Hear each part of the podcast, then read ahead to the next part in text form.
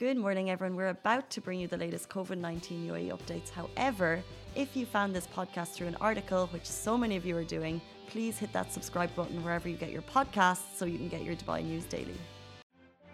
Good morning, everyone, and welcome back to the Lovin Daily, where I take you through the trending stories that everyone in Dubai is talking about. Big story has grabbed your headlines for the last couple of days. The women from the illegal Dubai balcony photo shoot. There's been an update directly from Dubai Media Office. We'll bring you that later in the show. We're also talking about all of the latest COVID updates from the press gathering, which happened, excuse me, last night. Ramadan gatherings, in particular for iftar and sahur in the UAE, will strictly be prohibited this year. And other than that, we'll be talking about how Abu Dhabi ranks number one globally for its COVID nineteen response, and it's nothing new. Like we've keep we've kept hearing this in the news how Dubai and the UAE and Abu Dhabi and everyone are doing so much, uh, like they are ranking number one. But we'll be talking more about that. But first, we bring some sad news. If you're a Netflix fan of the show Bridgerton, you probably already know, but it's because we haven't spoken about it. and Simran and I are both fans of Bridget of uh, the character Simon. no Bridgerton. Bridgerton. The yes, show. Yes. Um, And most of all, Simon Basset. hmm. He he was the cream of the show. Like without him, I'm not gonna watch it. I'll still definitely watch it, but he added something special. I just watch it for him, TBH. Just for him. Oh, I watched it for a whole number of reasons. Like it's like, and I'll definitely watch the second season. I can't wait already. It was what got me through COVID and Christmas. Um, but yeah, one of the lead characters, Simon Basset's not coming back for season two. Coming back, he rejected because he's moving on to new projects. Snake. Not enti- Handsome, handsome guy quit. that's not that's not entirely the. They're actually it's the show is full of handsome people, but Oh, that's yeah, not yeah. that's not the entire reason. Like her eldest brother. Who? But it, he didn't. He's not just moving on to which I didn't realize it came from a book series, and they usually concentrate, kind of, guess one part of the book or series on a specific couple. So therefore, the next season, whether you care or not, is going to be about uh, Daphne, or it's going to move on from Daphne to uh, Anthony Bridgerton. Oh, the first brother, the hottest brother of the lot. I love that. I love that Simran, the first brother, as though it's very. Because you know they're named alphabetically A, B, C, D. I did not. Yeah, I watched it twice, so I know. That's cool. What else do you know? Before the showcase, he's like, "Don't gush about the guys too much. We don't want to come up to a girl." And I'm like, "The first brother is so hot."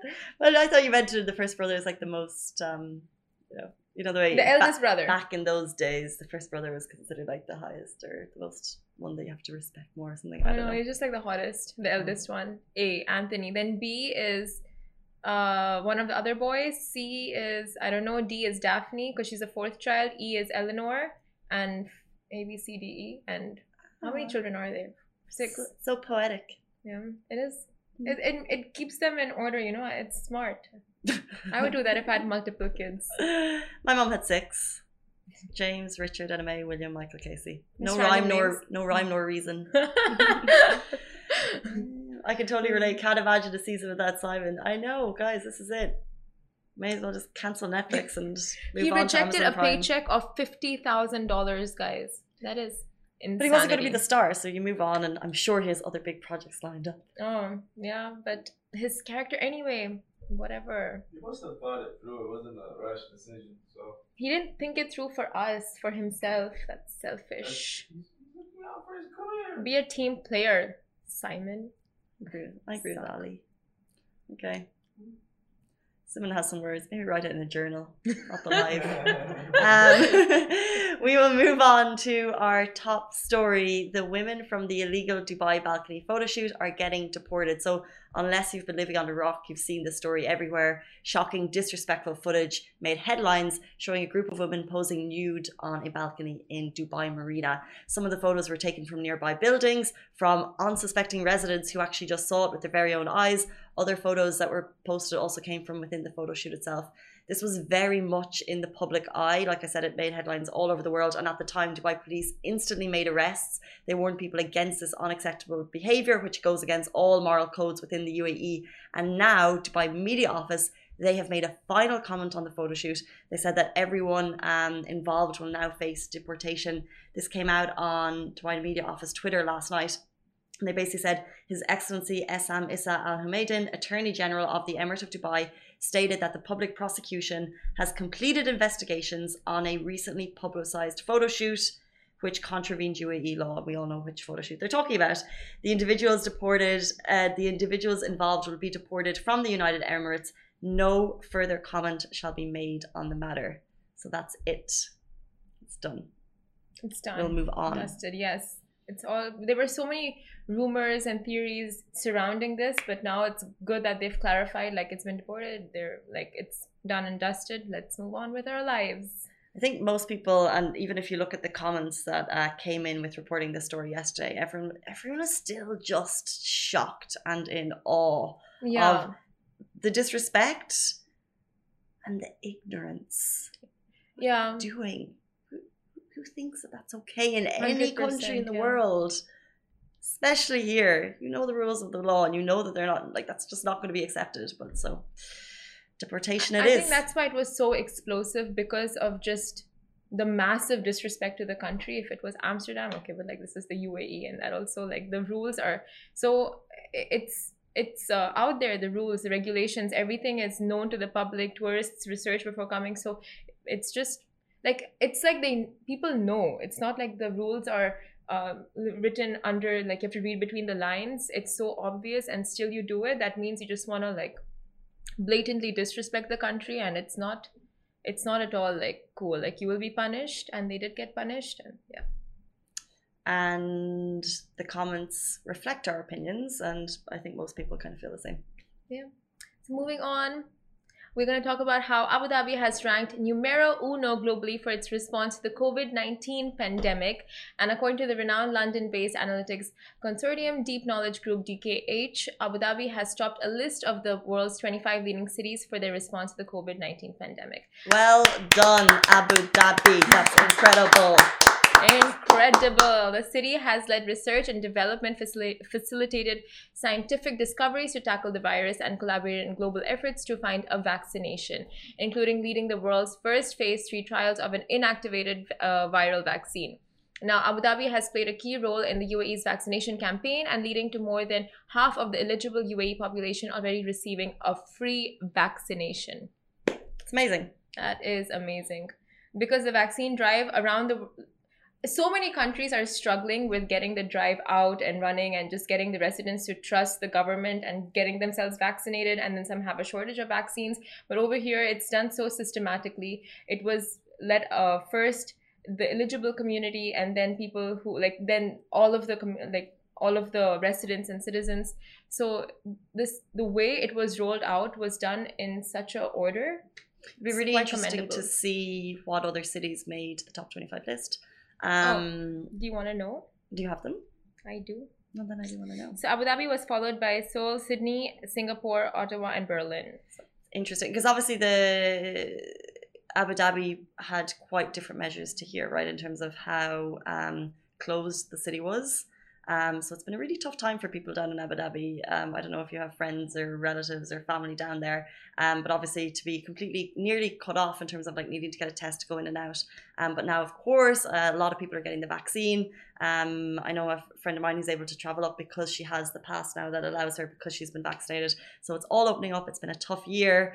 Um, and as we go into the second holy month of Ramadan, there are going to be restrictions there, which we're going to talk about in a second. But um, yeah, amazing. Best country, city in the world for rolled out of COVID 19 Honestly, yeah, they've actually done a lot because I know some of my friends who stay in Abu Dhabi who got COVID. I think I told you this before.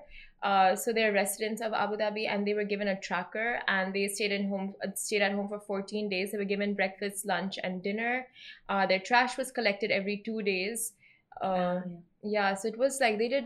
Similar stuff here in Dubai as well. Yeah, of Mhm. course. Lovin Extra is here. This is the new membership, and while absolutely nothing changes for our readers, extra members get access to premium content, exclusive competitions, and first look for tickets and access to the coolest events across the city, and Lovin merch. If you subscribe right now, a very cool Lovin Red Eco Water bottle will be delivered to your door.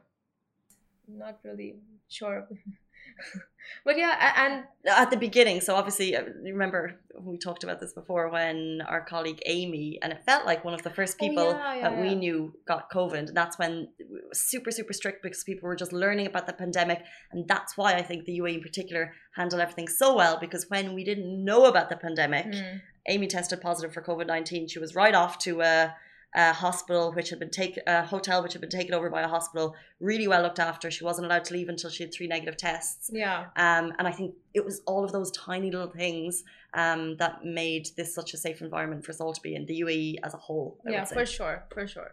Um, but let's lead on to our next story. Uh, we're talking about the holy month of Ramadan is fast approaching. There are rules in place for 2021 that's worth you uh, to know about. So, first of all, Ramadan gatherings for iftar and suhoor in the UAE are strictly prohibited. Now, as you know, this is the second year we face the holy month of Ramadan during the pandemic, and at last night's press briefing, they warned health is still a priority above anything else. And in line with that, strict precautions will be in place for the holy month. So, kind of be aware. Um, make yourself aware of the rules uh, so you don't break any of the fines. Um, firstly, let's jump into some positives. 8.5 million doses of the vaccine have been administered, and 39 million tests since the beginning of the COVID 19 pandemic in the UAE. Seal, which is incredible. Um, and they, like I said, they're reminding people that uh, health is a priority. We're doing really, really well. We're on the road to recovery. However, a family time is fast approaching, a time when people traditionally ga- gather um, in homes environments. You go out, you have iftar, and they're just trying to remind people that yes, we're on a really good path at the moment. We're so lucky with the vaccination rollout. However, health is still the number one priority. So bear that in mind. And we'll just run quickly through some of the rules. Number one, avoid all majlis and public gatherings. Public gatherings, like I said, not going to be okay during the holy month of Ramadan. Number two, family gatherings should not be held. Number three, iftar and suhoor can only be sh- be shared by first le- first degree relatives living in the same house. I'll say that again, just so you're aware. Ramadan, iftar, and suhoor can only be shared by relatives living in the same house, and I think that's really worth noting. Uh, take note of that for anything you're planning over the next month. Um, you shouldn't be exchanging food with other families, and also refrain from any type of big gathering that may result throughout the holy month. Um, it's the second year we're going in through the holy month, uh, and it's just I don't know, it's not uh, happy news to be sharing, telling people that you can't, you know, see your cousins and see your friends uh, during what is such a kind of um, a great kind of community coming together time. But hopefully next year it will be Yeah. gone. because no matter what health comes first and this just protects you and your family and everyone that you love so much so all these rules are there for your safety and the safety of your family and loved ones so i'm sure like next year it'll get better hopefully I think we're on a good path. yeah Oh, and uh, also the expo is coming this year, and I was just reading today that there are lots of jobs being rolled out for Expo 2020. Mm. So all like good news are just starting to roll in. It's nice. It's all happening. Mhm. But speaking of really good news, uh, people are checking out unique hidden gems in Dubai, and Dubai. So Dubai is dotted with numerous hidden culinary gems, and these resident favorite budget eats have always been a special focus for DFF. Now, in the videos that are playing beside us, you can see some uh, really tasty. Uh, I forgot the name of my favorite burger place, High Joint. High Joint videos, burgers, waffles, like complete hidden gems. And there was also a video posted by Off Travel and Tales, which is travel and lifestyle blog. And these, the names of these bloggers are Delane, Delane and Jack D'Souza. So they went to this restaurant in Deira that uh, Off created. the hook, I believe. It's called Off the Hook. Mhm. The name love of it. the restaurant. Yeah. Yeah, and it's like some they were eating seafood boil. It looks quite Yeah, so seafood boil. This is just one of the. So of course, Dubai Food Festival has listed out a lot of hidden gems, but also people are going out and finding their own and sharing them. And this seafood boil from Off the Hook, we posted it, and even the article, the reach was huge because I think Yeah. it's just. I, seafood boil has is a traditional type of dish that you can have, but it's becoming quite trendy recently. I know Dampna do a bucket there that people are really enjoying. yeah. Um, so I think when people saw saw this video, they just really liked it. Is it Um, a Filipino dish? Yeah. Pinoy dish? Yeah. Mhm. It, it's so unique in the way they're just presenting the entire thing. Yeah, so you choose your fish, your sauce, your uh, your spice level, and then you just go to town. Um, but it's yeah, it's just like all these little hidden gems that people Yeah. weren't aware of before. And I know high join Exactly. people were aware, but actually they're upping their menu game, and I think that's why this that video did so well. Exactly. And as a part to drive and highlight these culinary destinations, Dubai Food Festival uh, will be having more than 30 hidden, will, they'll be showcasing more than 30 hidden gems across the city. And Just you can go and check them out. They're all on the Visit Dubai website, and like there are so many of them. But what they want you to do is they also want you to share what you're trying, and we also want to see your hidden gems as well. So take a photo anywhere, whether it's one of the amazing 30 hidden gems that they've listed themselves, or anywhere you go that you feel is particularly special. Yeah. Um, I know. In particular, I have one place that I love to go for falafel and I like to go for coffee or da da. Anywhere that you think is quite special that you'd like to share with the world that's a hidden gem in your eyes, do it. Tag us, tag Dubai Food Festival. We want to share your stories. Dubai Food Festival is running until April 17th and we want to see your foodie stories. Um, I was just thinking about the reason I thought of hidden gems there is my favorite one. If you know it, let me know. Foul, I always say it wrong. Fool with hummus in Barsha. Do you I've know it? never heard of it. Really? No, I've never been. Yeah. No. It's You've been? good. No. But Did you say no or yes? Yes, yes. oh, you've been. Okay. And the guys, so it's the the falafel there is so Falafel. crisp. That's the best thing there. Falafel sandwich. I just get and it's so crispy. And when you're waiting, they're just like um they just give you out free ones. what? And I- the the hummus there is just spectacular. I'm gonna go there during peak hours. Hours? Peak like when I have to wait and give me a free falafel. Uh, but yeah, guys, It's also like super cheap. A couple euro. Yeah, it's it's, in Barsha, mm, so I wanna check it out. just behind the. It used to be called the Sharaf DG metro station. It could have changed. So it live changed to Mashreq, I think. Yeah, it changed to Mashreq. It's like a hundred meters walk, maybe two hundred meters walk from there. But if you've been, But exactly, it's delicious. guys this can be all the budget friendly eats and be it the cuisine emirati lebanese indian american like whatever it is give us a shout out and just yesterday one of y'all actually did tag us after a while and we reposted it. So it's this one eatery that gives pizza, uh, unlimited pizza and pastas for hun- 49 dirhams little italy we reposted that from our account so yeah go ham like just re i mean post us tag us and we're gonna repost it and then we'll all know of all the budget friendly eateries together Delicious. together. All you can eat pizza and pasta. for 49 bucks 50 bucks These all you can eat challenges. I was I was at Mango Tree yesterday, and it's not a challenge, but it's all you can eat for ninety nine dirham uh, between a specific time. So I think you have two hours, but the food is so good. oh yeah you went to mango tree yesterday in jbr right Mm, and all you can eat for ninety nine dirham And on a I love- Wednesday. It's called I Whoa Wednesday. I love I love eating competitions. So- This isn't a competition, but I'm like, as soon as you hear it, you can't just go. I know, I know. It's like it, it, it tempts you so much. It's like all you can eat. All I can eat. You challenge me. I'm gonna eat. We're Just gonna take do half it. a day off work and go eat yeah um, guys, that is it for us on the Lovin Daily. I hope you've had a good Wednesday morning with us. We're back with you every single weekday morning. Of course, Shireen is here at the weekends. Goodbye from me. peace Have a good day. Stay safe. Wash your hands. bye Guys, that is a wrap for the Lovin Daily. We are back same time, same place every weekday morning. And of course, don't miss the Lovin Show every Tuesday where I chat with Dubai personalities. Don't forget to hit that subscribe button and have a great day.